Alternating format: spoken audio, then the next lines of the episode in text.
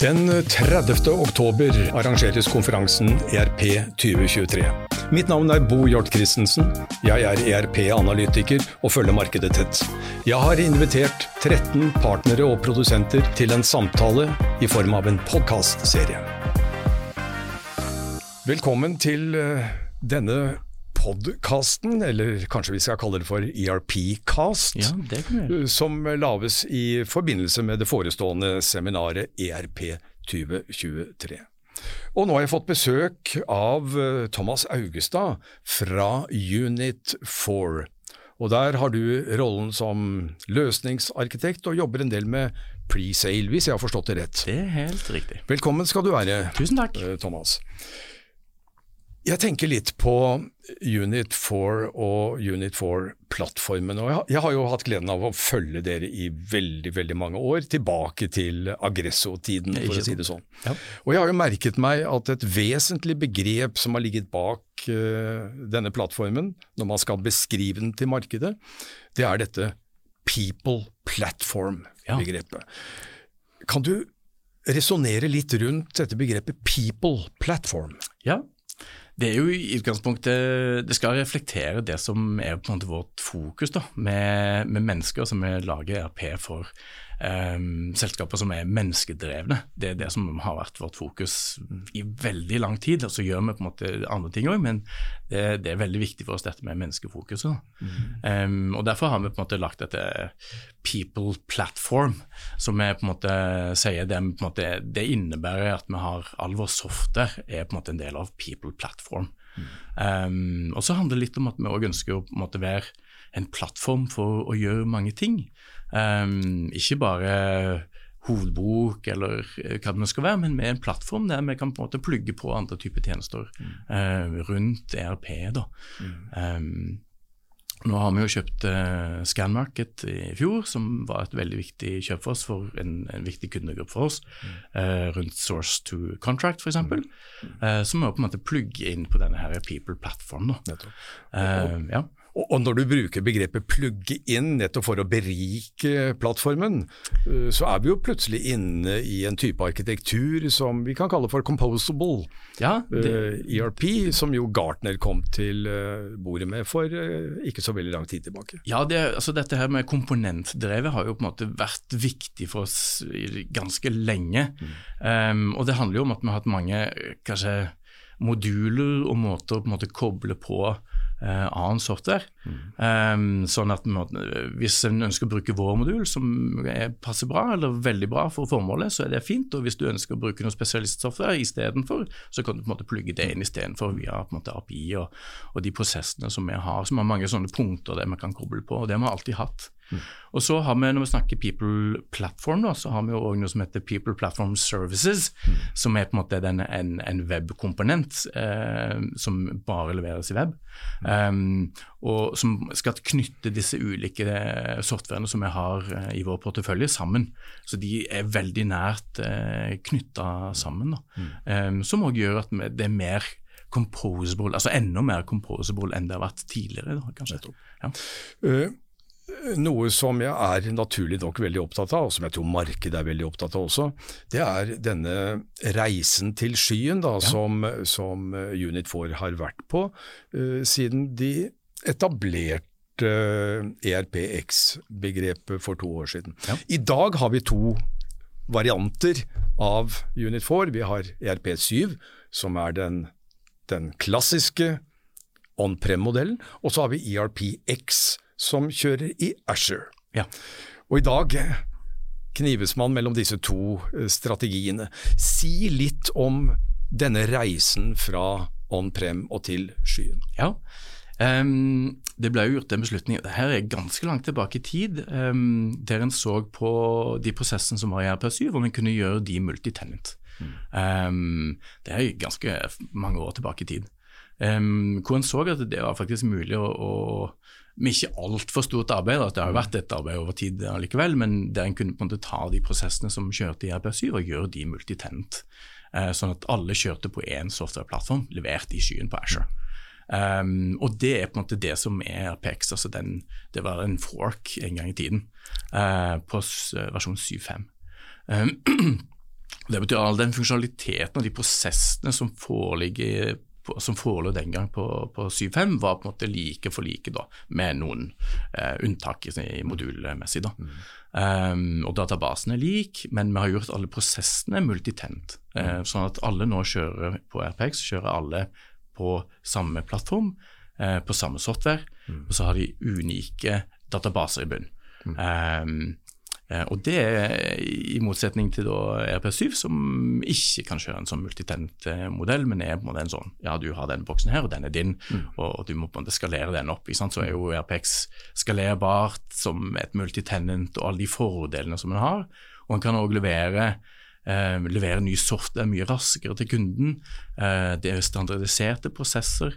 Um, vi har jo mange kunder som på en måte har skrudd litt inn i løsningen. Det har vært mulig med med direkte databasetilgang og endring i koden og alle disse tingene som har vært veldig kjekt for kunden og skapt mye merverdi for kunden, men som har skapt det vanskelig å mm. levere mm. nye tjenester på en standardisert måte. da. Mm. Eh, ved oppgradering f.eks. har vi sett det i en del tilfeller. Uh, ja. Men det, det, er vel viktig å roe ned markedet her og si at det er ikke definert noe end of life-punkt for ERP7? Vi har ikke definert noe end of life for PRP7. Um, vi har uh, en god del forpliktelser på, på kunder som, er, er, som, det er viktig for oss å på en måte uh, holde tak i. da. Og så har vi òg investert i et eget uh, team som, som, jobber utelukkende på RP7. Mm. Og så må en si at det meste av innovasjonen skjer jo fortsatt på RPX. Mm. Så har vi kunder som altså det som jeg snakket om som um, People Platform Services, er òg tjenester som er tilgjengelige på RP7 så lenge de er i skyen. Um, og Der skjer det ganske mye innovasjon i det her, la, det her laget, da, som jeg ofte kaller innovasjonslaget vårt. Der skjer det veldig mye spennende. Mm. Uh, som òg er tilgjengelig for RP7-kunder. Mm. Mm.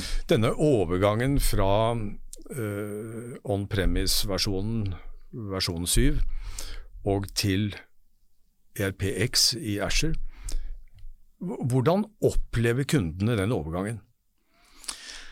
Ehm, jeg tror det her er veldig eh, basert på den enkelte kunde. Vi har, ehm, Som jeg nevnte deg i stad, så er databasestrukturen veldig lik. Mm. Um, så det er jo mulig å på en måte ta databasen og så putte den opp i RPX på mange vis. Og så er det noen ulikheter som en må på en måte rydde under veien mm. um, for å på en måte få det til på en god måte. Mm. Um, det viktigste momentet, tror jeg, det er at uh, det er som sagt mange kunder som har skrudd litt til. Mm. Og det er jo ikke lov i en multitent-løsning, så da må man finne andre løsninger.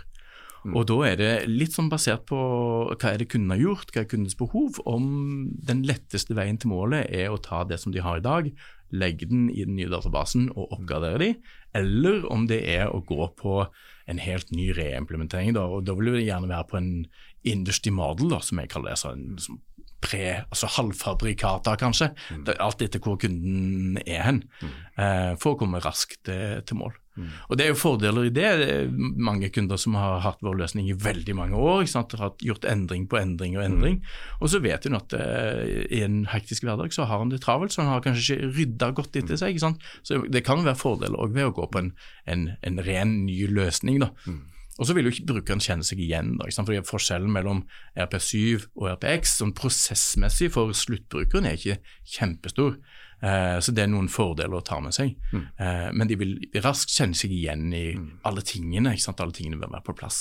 Mm. Og vil funke mye som de er vant til fra før. Utenom desktop, da selvfølgelig. Det er jo borte. Altså Dere er jo eh, rent markedsmessig så har jo Unit4 en god posisjon både i det private segmentet og i det kommunale og offentlige segmentet. Absolutt. Merker du noen ulikheter i tilnærmingen til skyen i disse to Privat versus offentlig kommunalt?